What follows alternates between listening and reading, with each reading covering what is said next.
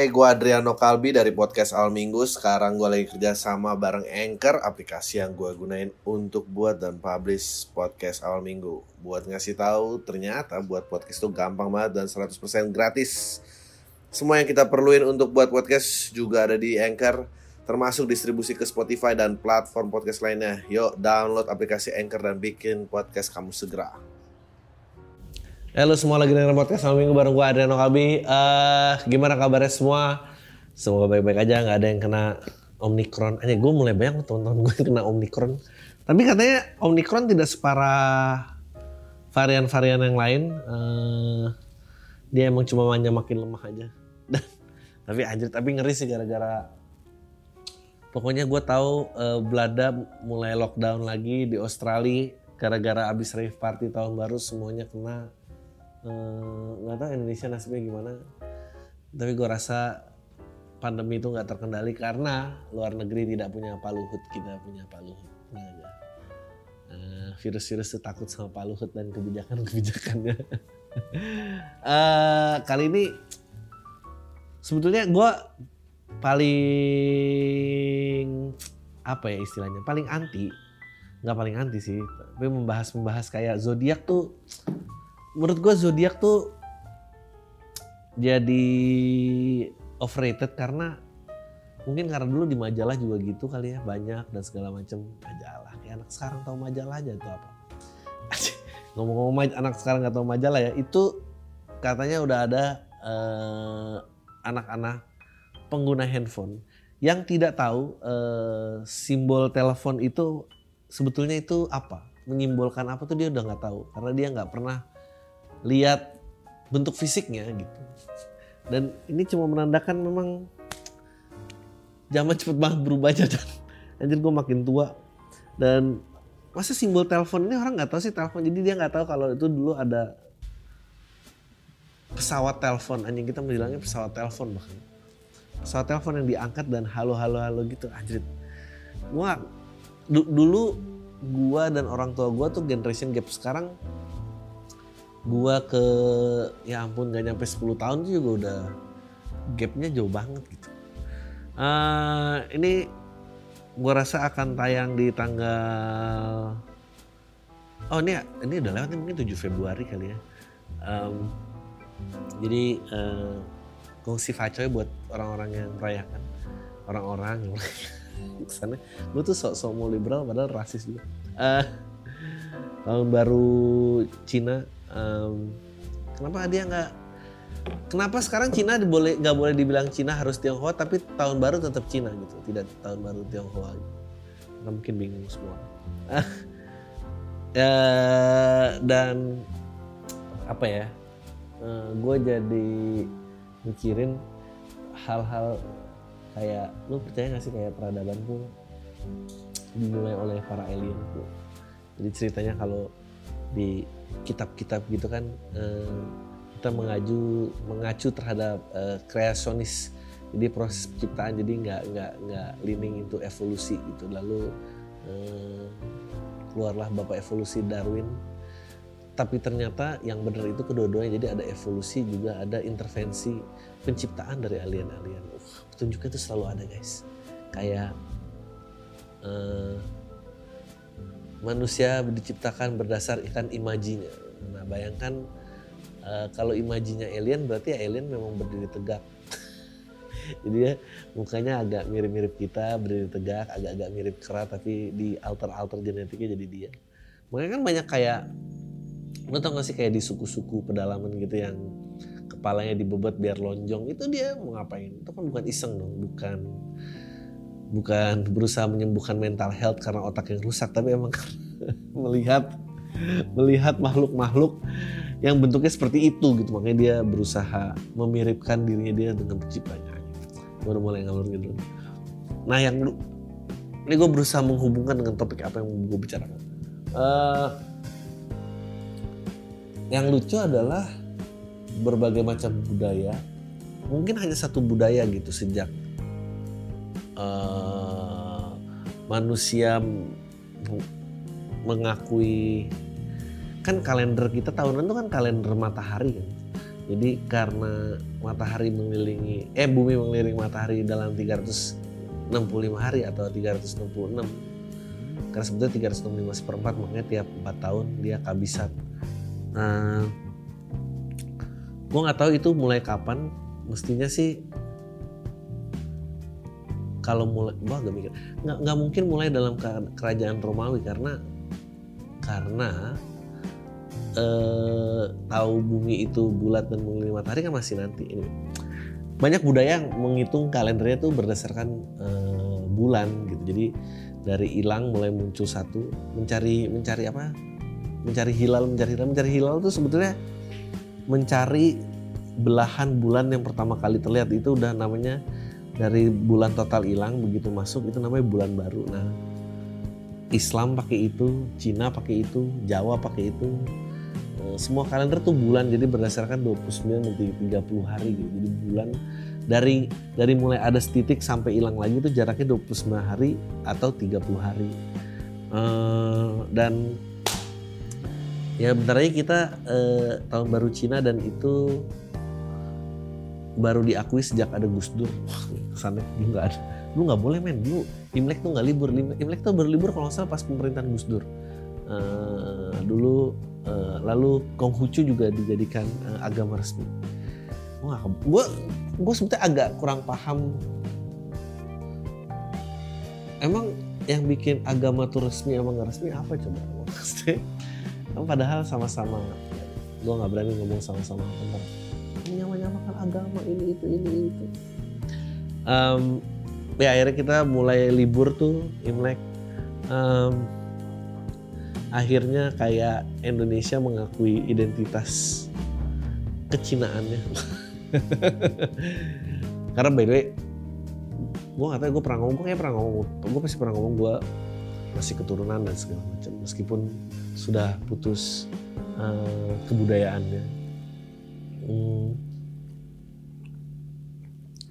Nah yang lucu dari menurut gua kebudayaan Cina adalah si Ronnie Cheng di stand up ya Netflix tuh ngomongnya gongsi faco itu ternyata artinya hope you get rich. Wah gila. Dia bilang, you think black people love money? No, we worship money. Lu nggak ada di agama dan budaya lain mengucapkan selamat tahun baru apa dan ini nggak ada yang nyelamatin semoga lu cepet kaya. Gokil. Itu berarti menandakan eh, budayanya tuh kebahagiaan dan kesedihannya diatur oleh uang ya. Jadi tidak ada tidak ada self healing self healingan karena kalau kaya pasti healing dengan sendirinya. Tapi enggak sih. Pada kenyataannya sebetulnya kalau lo makin kaya, um, lo itu uh, makin sulit mencari kebahagiaan. ada ada ada momen struggling. Kalau struggling banget besok nggak tahu makan apa bayar kosan gimana itu juga nggak nggak enak. Tapi ada momen berusaha dan kenyamanan tuh yang pas yang menurut gua kalau lo langgar kebahagiaan tuh hilang. Jadi dia miskin banget nggak bahagia kaya banget juga nggak bahagia. Gua kemarin gua kemarin nongkrong di kafe uh, lagi nongkrong di kafe tiba-tiba ada fotografer gitu gue kira ada youtuber atau apa ternyata ada arisan sosialita luar biasa arisan sosialita dia meng-hire freelance freelance content maker untuk mengabadikan foto-foto mereka dalam berarisan uh, di pinggir-pinggir pancuran. gue mulai sadar itu arisan sosialita karena uh, mungkin dari 20 orang ya 15 hidungnya palsu. 15 hidungnya palsu dan kayaknya mukanya udah nggak diperhatiin suaminya semua. Itu itu kalau perlu dia sering sih nggak cuma sebulan sekali. Karena gue yakin laki-laki seneng ya arisannya bagus bagus, bagus. Uh, kedengeran uh, tarikannya tarikannya adalah uh, tarikan arisannya adalah uh, iPhone 13 Pro Max luar biasa. iPhone 13 Pro Max itu harganya 20 juta. Jadi kalau 20 anggota tarikan pertama 20 juta itu kalau 20 anggota ya paling enggak iurannya sejuta. Itu kalau satu hadiah. Tapi gue dengar ada tiga jadi ada Pro Max ada liburan apa ada apa gitu. Itu yang arisannya saja berarti satu orang. Gua rasa tuh kemarin tuh level arisan 5 juta. Level arisan 5 juta men. Um, 5 kali 20 jadi ada 200 eh bener 5 kali 20 ada 100 juta jadi 20 juta. Pro Max tuh gue rasa hadiah terakhir. Yang satu dua lebih gede lagi aja uh, gue nggak tahu gimana sistem ngundinya uh, dan gue merhatiin gue merhatiin muka-muka orang tersebut. Uh, apakah sudah meraih kebahagiaan? Nggak ada semua. Karena menurut gue kalau bahagia ya hidungnya nggak palsu. Dia bisa menerima diri apa aja apa adanya. Oke. Okay. uh, besok kita akan memasuki tahun macan air ya. Macan air yang diprediksi ternyata uh, emas melemah karena kenaikan fantastis dibandingkan harga mata uang digital cryptocurrency. Kan gue udah bilang kan kata siapa kata siapa logam mulia itu nilainya stabil. Itu relatif stabil logam mulia pun tetap dengan uh, supply demand gitu. Pada saat dia oversupply demandnya rendah ya orang pasti harganya akan melemah. Dia dia tidak kata siapa uang harus mengandung emas. Ini tiba-tiba konspirasi gue tuh sekarang bingung ngomong sesuatu tanpa ada potensi menyinggung aspek keagamaan dan kepercayaan karena semua bisa nyambung misalnya gue ngomong bahwa harga emas melemah karena semua orang berminat ke cryptocurrency iya jadi kata siapa uang harus memakai emas. Nanti ntar ada yang mengaitkan ya kalau uang yang memakai emas itu kan uh, dari sistem ekonomi syariah. Ah, berarti sistem itu aduh jadi, jadi panjang, jadi panjang. Uh, um, berinvestasi ini ya, udah gila ini satu setengah Wah, Tesla Elon Musk dan Tesla kemudian mengumumkan berinvestasi di koin digital tersebut seharga 1,5 miliar. Gokil pom-pom dari bos Tesla, Dogecoin. Eh, berarti prediksinya Dogecoin anjing gue sekali jadi prediksi. Dogecoin dan pom-pom nih kayak agak naik karena akan naik semua orang uh, yang pemiliknya invest lagi. Um, warna keberuntungan anjing. Ini lucu banget kita kayak rubrik majalah. Warna keberuntungan feng shui di tahun macan air. Biru kecoklatan hijau mint merah menyala kuning kekaisaran. Kuning kekaisaran tuh gimana? Maksudnya bukan kuning golkar. Golkar juga dulu kaisar pada zamannya. Uh, begini apakah gue akan disomasi oleh penggemar-penggemar Orba jadi bingung ini hanya membuktikan bahwa di mana pun selalu ada titik ketersinggungan. Um, ya. Yeah. so lo gue tuh suka banget sih beatnya Ronnie Cheng itu Gong Si Facoy bilang bahwa hope you get rich. Memang hidup tuh kalau nggak punya duit tuh susah. Gue kemarin tuh ada orang-orang kayak tren post a picture from five years ago gitu. Terus kayak pada komen oh I wish I could turn back time apa dan segala gue tuh nggak ada lu pengen turn back time? Karena lima tahun yang lalu gue belum duitnya kayak sekarang. Dan lima tahun sebelumnya masih makin miskin makin miskin aja. Uh, menu wajib yang selalu ada saat imlek ikan utuh. Konsumsi ikan dengan kepala hingga ekor utuh oh awal yang baik dan akhir yang baik. Oh bener juga ya kalau ikan utuh. Karena sapi nggak mungkin disajikan utuh dong. Babi mungkin. Uh, tapi mungkin babi menghormati karena Cina juga ada yang muslim ya. Jadi ikannya yang semua bisa makan. Buah jeruk bola emas. Oh bola emas bola pohon kumquat. Gampling. Bao. Artinya semoga membawa kita pada kemakmuran dan harta karun. Wow. Cina nih emang bener-bener ini ya apa budayanya berdasarkan duit aja ya. Uh, mie ya ini panjang umur. Kotak kebersamaan kue keranjang. Kotak kebersamaan yang mana sih? Uh, anyway ngomongin tentang alien lagi om tapi gue pasti yakin ada yang memicu bahwa ini gue kemarin lihat apa ya? Ada gua gua di gua ya batu itu diukir-ukir gitu kayak anjing ini teknologinya apa bisa ngukir kayak gini? Pasti ada pistol laser yang luar biasa bisa ini gitu. Terus kayak ngebang kemarin ada yang ngebahas ngebangun piramid. Itu kalau miss satu inci aja itu bisa nggak tepat di atas bintang ya eh di bawah bintang itu gokil menurut gue sangatlah aneh. Uh, gue nggak tahu ya punya keresahan apa lagi terhadap tahun baru ini? Apakah yang pasti hujan prediksi hujan itu membawa hoki? Um, oh dan Sio. Oh ini, ini ini Sio yang menarik. Katanya Sio yang hoki di tahun macan air adalah kerbau. Uh, apa lagi? Tikus. Gue sio tikus gue tetap salah satu yang kerja di ML bilang saya juga sio tikus kak. Berarti lo sama gue beda 12 tahun uh, kelinci uh, dan kalau nggak salah ini herbivora semua nih yang jadi sio kata temen gue ada yang bilang sebetulnya sio itu lebih akurat daripada zodiak karena samplingnya lebih besar. Ya lucu banget. Benar juga sih. Samplingnya lebih besar jadi mungkin lebih akurat. Uh, tikus bukanlah orang-orang yang dilahirkan untuk bekerja dengan otot. Biasanya mereka lebih suka menghasilkan uang dengan kepandaian mereka. Tikus teliti dalam hal-hal mendetail. Gue padahal nggak teliti orang. Um, dan naga. Naga nih kayaknya selalu hoki di mana-mana ya. Jadi para kepada para pemilik sio-sio tersebut saya ucapkan selamat. Padahal nggak akan hoki juga.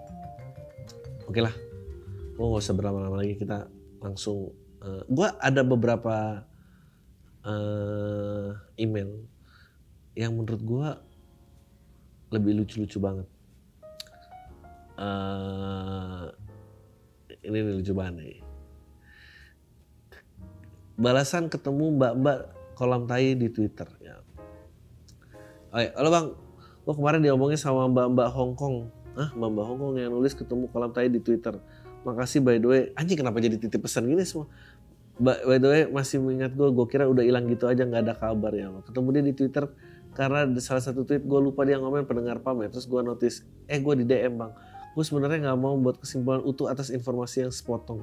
Cuma karena dia udah gitu duluan ya udah lah ya awalnya gue cuma pengen berbagi gitu aja bang jarang-jarang kan kita sama kolam tai apalagi cewek ya udah kita DM-an tapi nggak tahu kenapa dia nyangka gue cewek mungkin karena typing pada satu karena honestly gue nggak mau nggak pakai jujur li aja ya. karena honestly gue juga nggak mau ngasih tahu identitas pribadi sih karena agak sulitnya buat mengungkap hal baru ke orang baru. Eh makin ke sini dia ngajak ngobrol bang. Ya udah dia minta nomor WhatsApp. Or kakak otop oh kakak otop tuh populer ya. Anjing gue yakin emang WhatsApp ntar cuma orang-orang tua yang masih ada karena dia di Hong Kong ya udah gue minta nomor WhatsApp. Dia siapa tahu bisa berteman baik. Eh ternyata emang seru-seru terus ya mbak-mbak Hong Kong ini nggak salah sih anda confess di sini tapi ya tolong jangan sebut nama juga dong. Hei bagaimana sih? Katanya nggak mau sebut nama tapi disebut juga. Terus sama aja by the way kalau gue pribadi dengar nonton atau sesuatu itu ya karena yang nggak gue bisa gitu. X nonton dokumenter ya karena gue pengen tahu ilmunya sama podcast. Karena mungkin lo ngiranya gue denger Adri dong gue tuh komedi dengerin banyak juga cie maaf kalau sebut mereknya. Kayak asumsi bersuara podcast bebas aktif nalar endgame dan lain-lain. Maybe kalau lo ngobrolin ini kita oke okay kayaknya. Tapi karena konteksnya ketemu karena apa ya udah swipe topiknya itu doang. Ya ampun. Ya kebetulan masalah komedi emang nyantol di Adri aja. Ya udah dapet di Adri kenapa nyari tempat-tempat lain? Toh nggak lucu-lucu juga ya. Gue malas dengerin podcast komedi lain karena ini sih. Ya makasih makasih makasih. Lebih bahas lebih banyak bahas bokepnya daripada komedinya. Anjing. Terus juga banyak ngomong kasar daripada isinya ya gitulah jadi terkesan by the way makasih bang kalau dibaca makasih juga yang mbak Hongkong katanya sibuk. Tapi sempat nulis email juga good luck buat show LSSA nya. Insya Allah gue nonton. Mantap. Lucu banget. Nah ini kemarin ada yang uh, email juga mana ya?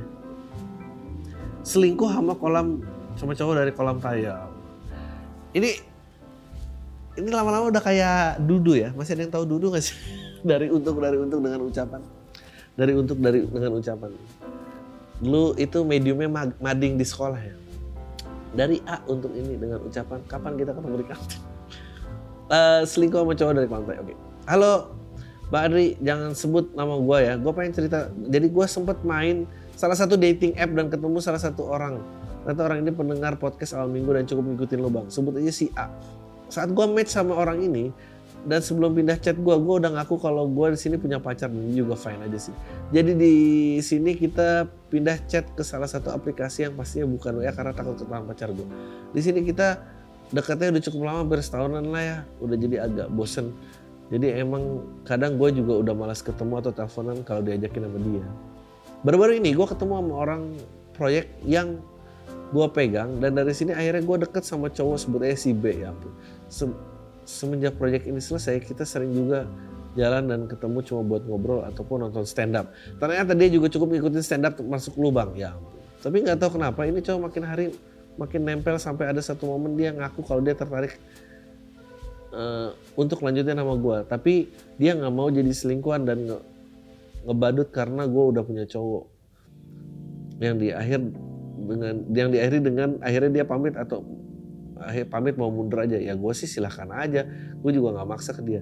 Ternyata sampai tiba-tiba dia datang lagi jilat ludah sendiri nggak sampai seminggu dia ngubungin lagi ngaku mau tetap jalan aja. Jujur semenjak itu dia kurang dia ngaku jujur semenjak dia ngaku tertarik excitementnya mulai berkurang bikin gue males ya Sampailah kemarin Emily ngepost jadwal event stand up yaitu stand up lu semua sama aja. Mereka berdua A dan si B ngontak gua ngajakin nonton bareng. Di sini gua agak kaget sih karena mereka bisa ngajakin hal yang sama. Tapi di sini gue juga mikir kenapa sih bang pendengar lu suka agak menyedihkan banget gue perhatiin. Bangsat emang. Emang eh, pendengar gue tuh suka ngerasa dia tuh keren sendiri di, di kepalanya dia padahal dia nggak keren-keren amat. Mesti dia ngajaknya kayak eh, lu udah ada ngajakin nonton ini belum ya? Ya udah pokoknya gitu mereka berdua denger ini cuma cuma mau bilang jangan bikin gue ngerasa nggak enak kayak gini dong gue cabut sendiri aja deh mendingan daripada stuck dengan kebosanan kebosanan dengan kalian. Ya ceweknya pergi. Lu sih. Ah. Ya mau gimana ya? Makanya jangan suka sok keren ih itu mah pasti ketemu lah. Gue yakin si A sama B itu show to show mau berapa kali show gue oke nenek tua bangka bangsat. Waduh. Halo bang Adri. Mau cerita tentang nenek tua di kampung gue kelakuannya bangsat. Umur 75 tahun lebih. Marah kalau disebut nenek ataupun lainnya. Dia hanya mau dibilang tante. Gokil. Kerjanya cuma ngegosip dan tebar-tebar fitnah di kampung. Iya dong karena narik gojek sudah tidak mungkin dong kalau 75 tahun. Ya emang cuma bisa gosip aja.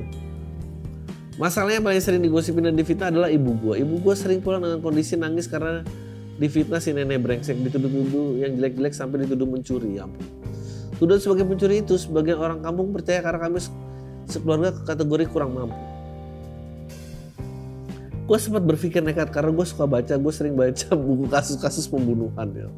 Dari metode dan lainnya berbagai macam racun pun udah gue pelajari atau bisa lo sandung aja sih dan jatuh dan racun yang ditelan sampai racun panah untuk berburu gue pun berhasil membuat racun hah lo berhasil membuat racun dengan gejala seperti serangan jantung, stroke atau kelumpuhan otot. Gue uji coba racun ini di monyet. Bagaimana menurut lo bang? Apa dihabisin aja sih nenek tua bangsat? Ya ampun. Sehat terus bang untuk lo semoga apa makin lucu. By the way gue baru tahu kalau Bang Ade pernah main dengan judul film Love for Sale ya. Tapi kenapa acting Bang Ade lucu banget. Terima kasih bang udah bacain email gue. Eh, ya sekarang jadinya nggak bisa lo bunuh karena lo udah email ke sini. Kalau email ini gue bilang dia bunuh aja ntar lo jatuhnya pembunuhan berencana gitu. Gue rasa lo harus bisa ya ngebunuh nenek itu seperti nggak berencana jadi serius di aja 75 udahlah menurut gua lu doain aja biar cepet mati toh juga mau diapain lagi sih nggak nggak bisa diapa-apain udahlah Eh, gue Adriano Kalbi dari podcast Al Minggu. Sekarang gue lagi kerja sama bareng Anchor, aplikasi yang gue gunain untuk buat dan publish podcast Al Minggu. Buat ngasih tahu, ternyata buat podcast itu gampang banget dan 100% gratis. Semua yang kita perluin untuk buat podcast juga ada di Anchor, termasuk distribusi ke Spotify dan platform podcast lainnya. Yuk, download aplikasi Anchor dan bikin podcast kamu segera. eh apa lagi nikah beda agama bisa aja emang bisa nggak ada yang bilang nggak bisa saya sen- sangat menikmati siniar Bang Adri tiga tahun ini dari PAM dan generasi Strawberry juga menikmati digital download Bang Adri. Bang sebenarnya bukan curhat tapi lebih memberitahu semua pendengar PAM Banyak yang sekali bermasalah dengan pasangan beda agama. Saya pelaku nikah beda agama 4 tahun ortu dan istri saya juga nikah beda agama. Kakek nenek kakek nenek istri saya juga nikah beda agama. Bahkan saat Natal sebelum pandemi kami selalu merayakan rumah nenek yang 70% anggotanya berkumpul beragama Islam. Saya paham nikah beda nikah beda berat. Stigma negatif masyarakat sering terjadi. Tapi ada saja mahzab atau pendeta yang mengamini dan membolehkan pilihan tersebut sehingga pasangan beda agama lalu menikah lalu menuju ke jenjang berikut. Tapi mundur dengan alasan beda agama menurut saya bukan cuma karena beda agama. Tapi karena beda agama cuma jadi penguat alasan kalian untuk pisah. Ya emang iya itu jok gua.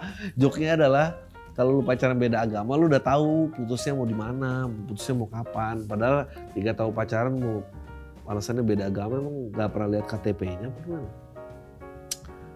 Uh, terima kasih. Insya Allah nonton lu semua sama aja uh, please dikasih nomor kursi dan ada tiket yang satu jutaan biar bisa deket wah gokil anda mau beli show saya satu juta luar biasa uh, Bapak dengan passion marah-marah dan irisan kondisi keluarga yang apes, miskin dan tidak harmonis. Ya. Halo bang, ini email kedua gue. Yang pertama kemarin soal perjudian, makasih banget udah baca bang email sebelumnya dibacain. Gue mau cerita soal irisan keluarga gue yang apes. Di email sebelumnya gue cerita background keluarga gue menengah ke bawah. Nah kalau gue lagi bedah itu dengan interval tingkat kemiskinan buatan gue keluarga gue di tingkat ketiga. Dari empat tingkatan yang ber, sebelum sebelumnya disclaimer dulu ini interval gue buat berdasarkan ekonomi ya bukan berdasarkan kebahagiaan satu anak di daerah konflik dan terlantar. Dua daerah pinggiran dan bedah rumah. Tiga di antara sederhanaan dan miskin. Oh lu nomor tiga ya. Empat embel-embel sederhana padahal rumah sudah tidak kontrak dan nyicil minimal ada tiga motor. Anjing. Jadi empat kaya lo tuh udah gini ya. Pada rumah tidak ngontrak dan punya motor tiga. Wow. Pergaulan orang kayanya kurang banyak berarti. Uh, disclaimer setiap interval kemiskinan memiliki plus dan minusnya masing-masing sebenarnya masih ada lagi interval menengah ke atas tapi gue nggak bisa bikin belum di posisi itu sebetulnya ya bener kan Nah keluarga gue berada di interval di antara sederhana dan miskin. Di interval ini cukup untuk makan dan kehidupan sehari-hari. Kadang nggak cukup, tapi nggak melarat-melarat banget. Plusnya di interval ini kelihatan sama orang-orang yang bukan kelihatan sama orang-orang bukan orang yang susah. Terus minusnya nggak bisa dapat bantuan dari pemerintah soalnya dianggap mampu padahal nggak mampu juga. Anjing lucu banget. sama orang plusnya sama orang-orang nggak dianggap susah minusnya nggak dapat bantuan pemerintah uh, contohnya untuk dapat bantuan pendidikan dari pemerintah nggak bisa dapat gara-gara tinggal di perumahan padahal itu pun kontrak ini jadi setiap bantuan nggak bisa dapat saking susahnya sampai berharap nanti di usia 18an di sore hari bapak gua duduk di teras bermandi kasih matahari manggil gua bilang nah sebenarnya kita ini kayak bapak ini pengusaha internasional. Oh gokil. Agak gejala-gejala skizofrenik ya bapaknya. Udah hayal-hayal. Oh, paling nggak udah waham lah waham. Bapak bapak setting kondisi kayak gini untuk tes kamu aja. Oh gokil. Dan sekarang gue udah 20 tahun sih anak iris. Aneh banget bapak lo. Nah sebetulnya bapak ini pengusaha internasional. Bapak setting kondisi kayak gini untuk ngetes kamu aja ya. Nah ini irisan pertama keluarga gue di irisan menengah ke bawah. Kan biasanya kalau dapat irisan miskin dan irisan selanjutnya itu keluarga yang harmonis. Keluarga suportif, bapak tidak galak. Tapi di keluarga gue gak kayak gitu. Soalnya bapak gue passion dalam hidupnya itu marah-marah. dan sekedar background, bapak gue orang timur jadi keras disclaimer lagi ya bang. Timurnya bukan Indonesia Timur atau Timur Tengah. Terserah mau timur apa, timur tengah juga boleh. Soalnya itu jarang nyebut identitas sebuah kelompok udah ngeri banget. Jadi timur apa? Bangsat, udah jauh-jauh. Timur Leste. Jadi orang bisa marah dan kondisi keuangan lagi kebetulan bagus ataupun keuangan lagi terpuruk-puruknya. Uh, pasti setiap hari ketemu aja alasan untuk marah-marah. Pas ekonomi terpuruk-puruknya masuk akal lah marah-marah. Bisa dimengerti dengan logika. Udah kerja capek-capek hasil nggak sesuai oke okay lah marah-marah. Tapi anehnya pas kondisi keuangan lagi bagus pun juga tetap marah-marah juga. Misalnya pulang kerja uh, lagi uang banyak lihat anak-anak juga nggak ngapa-ngapain dimarahin dengan kata-kata orang tua udah kerja mati-matian buat anaknya anaknya malah males-malesan padahal sore hari udah mau maghrib ya Selain itu pas misal lagi libur semester panjang pasti anak-anak disuruh kerja cuma main karena ini disuruh belajar sama bantu-bantu dia secara random. Tahu-tahu lah bikin kursi lah, ngecat lah kalau enggak ya kena marah. Pokoknya diminta dia harus sibuk semua kalau enggak dibilang malas. Padahal gue sama dua adik gue terkenal paling pinter sekeluarga besar dulu. Pas SMP gue ranking satu masih mau aja disuruh belajar. Dan kebalikannya pas lagi sekolah lagi belajar agak lama disuruh berhenti bantu dia bantu dengan aktivitas randomnya. Iya, kayaknya bokap lu tuh stres kayaknya bawa ke psikolog aja deh. Uh, nah di situ baru tau passion bapak gue marah-marah. Jadilah irisan keluarga gue setahu gue tuh miskin dan tidak harmonis. Padahal setahu gue kalau miskin setidaknya harmonis lah. Enggak lah. Kalau miskin mah sering gak harmonis. Miskin tapi harmonis tuh cuma di keluarga cemara sisanya mah hidup kejem banget bro. Uh, sinetron positif sinetronnya nggak ada irisan kayak keluarga gue semoga aja ke depannya bakal kayak rumus fisika negatif sama negatif jadi positif hmm, itu rumus matematik uh, nah, udah enggak ya oke segitu aja Taylor and go fuck yourself. Anak dari koruptor gokil. Anak dari koruptor. By the way berapa menit nih? 30 30 eh nama nggak usah asal kota nggak usah lu dari koruptor ntar tahu bapaknya. Waktu gue SD pernah mikir bunuh aja semua koruptor emang brengsek semuanya. Eh tatanya bapak gue seorang koruptor. Ya bapak gue kesandung korupsi. Bapak gue dulu jabatannya kepala dinas sosial karena anak buah bapak korupsi bantuan sosial tentang penanggulangan bencana jadi kena penjara satu dua bulan. Satu tahun dua bulan. Padahal yang nggak dilakukan oleh bapak gue Singkat cerita, bapak gua menang sidang itu dan berharap pekerjaan dia sebagai PNS kembali dan PNS nggak diberhentikan kalau di penjara 2 tahun. Dan status bapak gua dinonaktifkan bukan dipecat. Karena sudah nggak ada duit, bapak gua milih ambil pensiun dan memakai pesangonnya untuk kebutuhan hidup. Terakhir, tolong ya buat KPK kalau mau nangkep yang korupsi aja lah anjing ngapain nyeret bapak gue yang nggak salah tanya semua gue rasa sih bapak lo salah bapak lu pasti salah nggak uh, mungkin bapak lu nggak salah. Emang mungkin bapak lu tuh kurang mengangkut bebannya gitu dan jadiin kambing hitam aja. Mau diapain lagi kalau sudah begitu coba? Lapar dan sange di waktu yang bersamaan. Gimana sih ceritanya? Oke. Okay. assalamualaikum. Lu tuh gimana sih bisa nulis email lapar dan sange di waktu yang bersamaan tapi membuka email dengan assalamualaikum. Lu tuh jadi ini tuh nggak? Image buruk terhadap agama ini tuh. Lu ojol oke okay, 26 tahun ojol. Gue sem gue sempat kuliah bang sebelum gue kecanduan judi. Ya ampun gue lupa gimana tepatnya gue bisa ngejerumus ke dunia perjudian ini. Di sini gue main slot sama togel bang. Awalnya nyobain main slot enak banget bang. Saya deposit gue menang deposit 100 bisa menang 2 juta. Deposit 200 gue menang 8 juta 100 ribu. Nyari duit gini doang mah ternyata dewasa itu menyenangkan. Yang main slot tau lah gimana permainannya. Cuma pencet-pencet doang. Karena banyak duit gue jarang ngegojek hidup gue mau di kosan. Fokus main fokus main slot. Makan pun gue pesen gojek anjing lucu banget. Tukang ojek pesen gojek hawanya malas lah malas ngojek malas ngerjain tugas kuliah bolos pada akhirnya saking duit gue banyak menurut gue aja gue bo bang. Gue pilih-pilih di micet di foto sih cantik banget. Toket adaan muka cantik ya ampun. Putih dalam hati sekali-sekali manjain adek ah ya penikmatin cewek cantik. Waktu kita janjian di hotel tapi bangsat pas udah di room beda bang. Kurus kecil muka kur kayak orang kelaparan. Dengan hawa kesel mau nggak mau tetap jadi ya ampun. Salah satu misteri juga sih bang. Kalau lama asik lama keluar ngobrol karena harus dipancing-pancing dulu.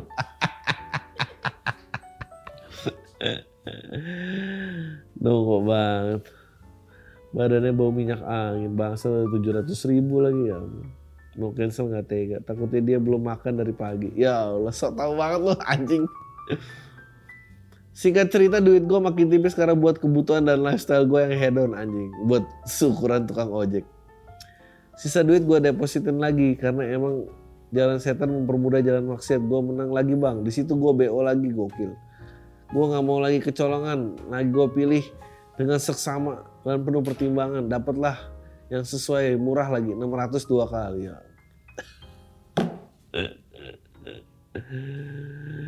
Uh, repeat order terus gua sama dia anjing. Dari situ kejadian hidup gua mulai hilang bang. Ya ampun. Udah karena udah tiris banget duit terpaksa ngojek. Setiap hari duit hasil ngojek dipakai 100 eh dapat 150 300 gua deposit semua bang. Ah dapat 150 sampai 300 gua deposit semua bang. Miris nggak pernah menang gokil. Sampai kelilit pinjol utang sana utang sini gokil hidup udah susahnya mau dibikin susah lagi. Satu waktu gue nggak punya duit sama sekali buat makan aja nggak ada gue pinjem lah duit sama temen gue nih awalnya nih emang buat makan. Tapi malah gue deposit pikiran gue waktu itu udah lama nggak dikasih menang gede nih. Kalau gue deposit menang bisa makan enak nih gue nggak perlu ngojek plus bisa bo lagi ya nyatanya boro-boro menang saldonya naik aja kagak. Udah kepala pusing karena sange perut lapar badan lemas kacau lah pokoknya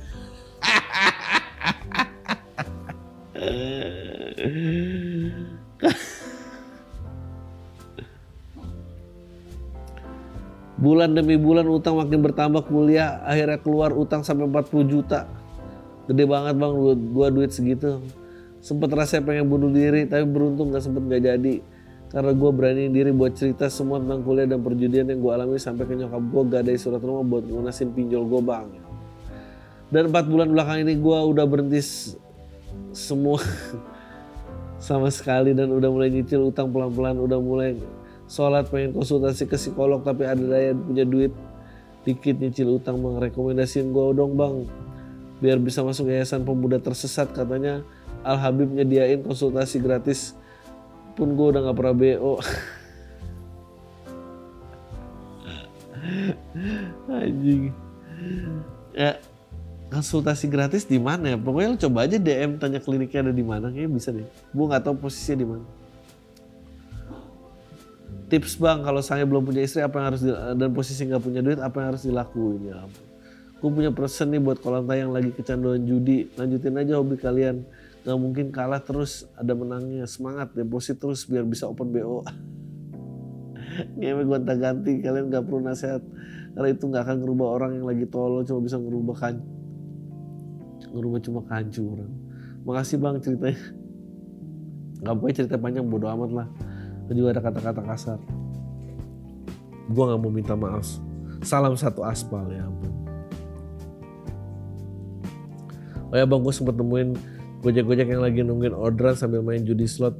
Bapak-bapak lagi gue pengen bisikin singgahnya kalau miskin jangan tolol anak istri lu mau kasih makan apa tai lu semua. Bener juga. Bagus bagus bagus Nah, apa lagi? Uh, pagi Bang Andri, jangan sebut nama teman-teman gue udah sering zaman kuliah udah udah susah seneng bareng lah bang. Tapi akhirnya ini gue ngerasa mereka ngomongin gue di belakang kayak mereka sindir-sindir kayak ngumpulin inside joke tentang gue pas lagi kumpul. Awalnya gue ngerasa mereka lagi nggak ngomongin gue dan di situ gue lama-lama sadar kalau mereka lagi ngomongin gue. Taunya gue pas lagi nongkrong bareng di kafe. Waktu gue ke toilet, napas gue balik ke meja pas masih agak jauhan gue dengar selentingan-selentingan tentang gue bang. Pas gue sampai situ mereka langsung ganti topik. Pas sampai rumah gue ngerasa kayak oh jadi selama ini gue cuma dapat lucu-lucuan aja di geng itu bang. Pas lulus kuliah gue dapat kerja duluan bang. Mereka ini dapat kerjaan juga karena gue yang cariin plus bantuin buat masuk situ. Lo di posisi sekarang lo gara-gara gue lo di posisi sekarang itu gara-gara gue tot sumpah kesel banget aja akhirnya gue ngerasa galau gara-gara lagi ada masalah sama pacar. Karena nggak mau karena nggak tahu mau cerita ke siapa lagi. Akhirnya gue cerita ke temen cewek yang udah lama nggak ketemu karena lanjut S2 di luar negeri. Itu gue cerita tentang masalah gini gue ini. Gue ditanyain kenapa nggak cerita ke circle gue aja dan gue cerita ke dia. Kalau mereka ngomongin gue di belakang eh si temen gue ini malah pernah deket sama salah satu temen di circle gue ini bang. Dan dia cerita kalau teman-teman gue ini emang bangsat suka ngomongin orang di belakang dan ngompor-ngomporin waktu gue gabung ke geng ini dia juga mau kasih tahu kalau ke gue kalau teman-teman ini bangsat tapi udah enggak. Tapi nggak jadi karena dia lihat gue udah klop banget sama mereka. By the tonton gue yang dengerin pam mampus lu gantian gue sindir di sini. Anjing apa sih kayak anak kecil aja. Kesel gue baca email. Hidup pasca bangkrut karena covid gokil apakah anda sio tikus anda akan kaya depan anjing kasihan coba nasihatin itu ke orang bangkrut mana bisa Halo Pak Adri, semoga sehat selalu karena belum kena covid. Suara lo ada suara yang gue tunggu di hari Senin. Gue pendengar setia lo dari 2016 langsung aja bang. Gue 29 tahun dan sudah dari 2014 kerja di Jakarta sebagai pengusaha kain bareng teman dan kakak gue. Kami masing-masing punya toko di salah satu mall Jakarta gokil. Alhamdulillah hidup naik turun tapi banyak kan naiknya. Singkat cerita 2019-2020 adalah tahun-tahun bisnis gue bagus-bagusnya finansial cukup oke. Okay. Kiriman ke rumah lancar, hidup bisa lumayan oke. Okay. Bisa tiga empat kali gonta ganti check in ya ampun kenapa kemapanan hidup diukur dengan check in tiga empat kali bisa gonta ganti check in sama cewek di Tinder gokil. FYI gue jomblo dari 2016 dan di situ gue memutuskan untuk main Tinder di Jakarta bisa bilang gue lumayan berhasil di dunia pertinderan itu. Gue juga nggak ngerti kenapa bisa semudah itu. Sampai Januari 2020 gue memutuskan buat pacaran sama salah satu cewek di Tinder. Dan lagi asik-asiknya punya pacar dari sekian lama tahun gak punya pacar. Sampailah tiba-tiba corona datang di bulan Maret dan maksa gue kudu balik ke kampung. Toko terpaksa tutup. Tapi gue masih merasa aman karena gue pikir omset selama tujuh bulan gak gue ambil. Gue singkat sengaja buat DP rumah di kampung dan gue titipkan kakak gue yang notabene orang lurus sholat zikir ngaji jidatnya hitam. Karena kalau gue pas gak di Jakarta yang gue pegangin toko. Tapi ternyata pas gue minta duit semua duit gue lenyap semua duit gue itu gokil. Semua duitnya anjing emang duit puluhan juta lenyap. Dipakai semua sama dia sisa cuma 3 juta. Pas posisi gue ngajak pulang ke kampung alasannya toko dia lagi sepi. Dan duit gue buat ngatur kontrakan dan rumah dia di kampung buat ngasih anak istri. Yang bener aja gue nggak ikut bikin anak. Gue nggak ikut pakai istrinya kenapa gue alasan pakai alasan gue pasti tahu alasannya itu. Maksud gue ya udah kalau emang dipakai ngaku aja salah nggak perlu cari pembenaran mengatasnamakan keluarga. Jidat hitam juga kalau duit jidat hitam kalau lihat duit juga belok ternyata kampret. Tapi udahlah bang akhirnya gue terima duit 3 juta itu dan gue bawa pulang barang dia dan masih bayarin dia tiket kereta. Sampailah gue di kampung. Di kampung gue jarang tidur di rumah karena nggak enak. Udah 10 tahun lebih nggak hidup nggak bareng nyokap. Intinya nyokap bokap cerai pas gue 17 tahun. Nyokap nikah lagi gue ikut bokap di 2 tahun. Kemudian bokap meninggal gue hidup kontrak rumah berdua sama adik gue dan selama gue tinggal di Jakarta adik gue ini bayarin kos sih tapi. Gue sadar bahwa pulang duit mepet sedikit duit di ATM waktu itu gue putusin buat tidur di restoran tempat adik gue kerja bareng adik gue satu plus teman kerjanya. Dan gue nggak sanggup bayarin kosannya lagi. Selama enam bulan di situ gue dari Maret sampai September duit sisa gue irit-irit. Adik gue bantu jualan masker dan hand sanitizer gokil. Waktu itu sempet karena resto tempat kerja dia juga nutup soalnya survival udah kayak kiamat zombie. Gue selama itu jarang banget keluar di situ aja cuma pasang wifi udah biar ditanggung bertiga biar irit ya. Karena gue mesti keep kontak video call sama cewek gue di Jakarta. Tiap hari malam kerjaan gue cuma video call pacaran sama HP ciuman kagak pelukan kagak mana cewek gue sering ganti baju depan gue pas video call. Tai emang. September transportasi udah mulai mau jalan. Gue berangkat Jakarta buat dua tujuan. Beresin operasional toko Jakarta. Gue ambil keputusan kalau udah nggak bisa survive. Berdamaian gue bangkrut dan mulai dari nol lagi. Yang pasti nggak di Jakarta. Dua sudah pasti nemuin cewek gue kangen gue pengen cewek ini. Tapi datang masalah lagi cewek gue dentis dari keluarga dokter semua otomatis keluarganya keras banget larang doi keluar dan kalau nggak penting-penting banget alhasil. Mesti pakai bikin strategi dulu bohong alasan mau meriksa kucing lah. Habis itu gimana cara kibulin supirnya lah. Gue suruh aja ketemu di salah satu mall. Yang deketnya ada hotel gue check in di situ. Supirnya nunggu di parkiran mall. Doi nyebrang ke mall ke hotel syukur. Walaupun dari keluarga dokter doi nggak minta hasil PCR gue sebelum gue ciuman goblok. Paling pakai hand sanitizer doang. Megang-megangnya jadi lengket goblok anjing tahun lalu nih kita ngelewatin kayak gini sekarang udah nggak terlalu kayak gini nih. Dua minggu di Jakarta cuma bisa ketemu empat kali karena doi udah susah alasan berturut-turut nggak tahu doi gue udah mau jual semua koleksi action figure gue cuma bisa ketemu. Ya ampun kasihan banget. Seberesnya urusan di Jakarta gue pulang ke Jawa dan nyokap minta adik gue pulang udah disiapin semua kamar di samping itu restoran tempat adik gue mulai buka. Jadi sudah nggak bisa tinggal di situ terpaksa nerima tawaran nyokap bukan gimana gimana soalnya nggak lucu kalau malam-malam tiba-tiba kedengeran suara nyokap oh ya ampun sama suaminya. Ya itu gue yang awkward. Saya itu gue mutusin untuk jadi driver ojol. Kalau malam buat nyari duit karena gak enak tinggal nyokap. Kalau cuma di rumah makan dilayanin kayak raja aja. Cuma gimana gimana pun caranya gue mesti kerja? Yang paling dekat dan cepat adalah gue pinjam akun ojol temennya adik gue yang sudah mulai kerja juga. Rutinitas berganti tiap gue ngojek video call terpangkas tapi komunikasi masih tetap sangat baik-baik aja. Sampai akhirnya di awal Januari cewek gue minta biar intensitas hubungan agak dikurangi. Di sini gue curiga ada aja yang gak beres. Feeling gue buat pertama kali gue ngerasa doi nggak jujur. Malam dia ngomong gitu malam itu juga gue ditabrak orang lagi jalan pas ngojek. Ya ampun pulang pincang motor ancur cewek gue udah tidur itu jam 12 malam sampai jam 1 malam doi tiba-tiba video call. Mesin gue udah sampai di rumah apa masih di luar gue senyum-senyum aja. Ngomong baik-baik kalau gue udah di rumah gue nggak bilang kalau habis kecelakaan. Jangan kan doi nyokap gue aja nggak tahu. Baru tau pagi-pagi karena motor ancur dan ada darah di ubin. Sedih banget nih orang hidupnya. Singkat cerita gue nggak bisa jalan dan mesti pakai kruk. Kaki nggak bisa napak badan luka-luka otomatis nggak bisa kerja juga.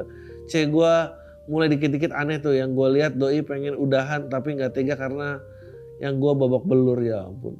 Sampai akhirnya kita lulus konteks semingguan gue juga udah ngasih doi pengen mutusin tapi nggak tega. Tapi ngomong udah males gue rasa ada aja samar-samar ngedeketin doi ternyata bener.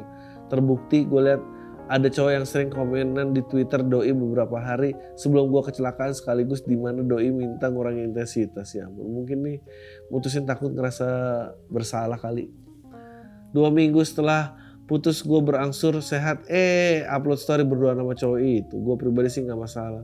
Karena mungkin udah itu yang doi butuhin yang deket. Ya at least punya kerja di pasca pandemi. Sebagai cewek mungkin gue ngelakuin hal yang sama jadi gue oke okay aja. Sekarang udah empat bulan setelah itu alhamdulillah sedikit-sedikit kerjaan mulai masuk dari customer service di Jakarta. Dan minggu depan gue mulai ngantor sebagai SPV di satu pabrik di sini. Udah bang gitu aja bang terima kasih udah dibacain sebenarnya masih banyak cerita absurd di dunia pertindaran yang pengen gue ceritain ke lu bang tapi maaf aja tapi next aja maaf panjang lebar kalau udah ada ketika kamu menurut lo gimana mulai hari baru dari umur 29 ke terlambat gak? Gak terlambat lah. Gak terlambat lah. Gue tunggu cerita-cerita Tinder lo. Kayaknya lebih menarik daripada pas ketabrak. kasian, kasian, kasian. Oke, satu lagi nih. Tolong jangan sebut nama. Nggak ada yang lucu nih. Jodoh di tangan orang tua. Oke. Jadi gini bang, gue anak cowok satu-satunya anak ketiga dari empat bersaudara sekarang umur gue 24. Gue bekerja di salah satu telco. Jadi baru-baru ini gue kaget ketika nyokap gue bilang ke gue minimal harus deket sama lima cewek nanti mama yang pilih. Wah jujur gue shock banget denger nyokap ngomong gitu. Padahal kakak dan adik gue gak pernah gituin. Mereka dibebasin mau punya pasangan kayak gimana.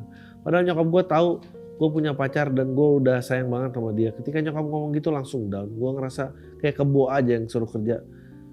Makan bajak sawah dan kalau berkembang biak betinanya dipilihin gue gue kalau sayang sama cewek satu aja nggak bisa deket sama lima cewek dari dulu dulu gue nurut banget anaknya tapi jadi gue malah digampangin gini gue ngerasa bukan anak tapi investasi mereka menurut gue harus gimana ya menurut gue cobain aja lumayan nyobain lima.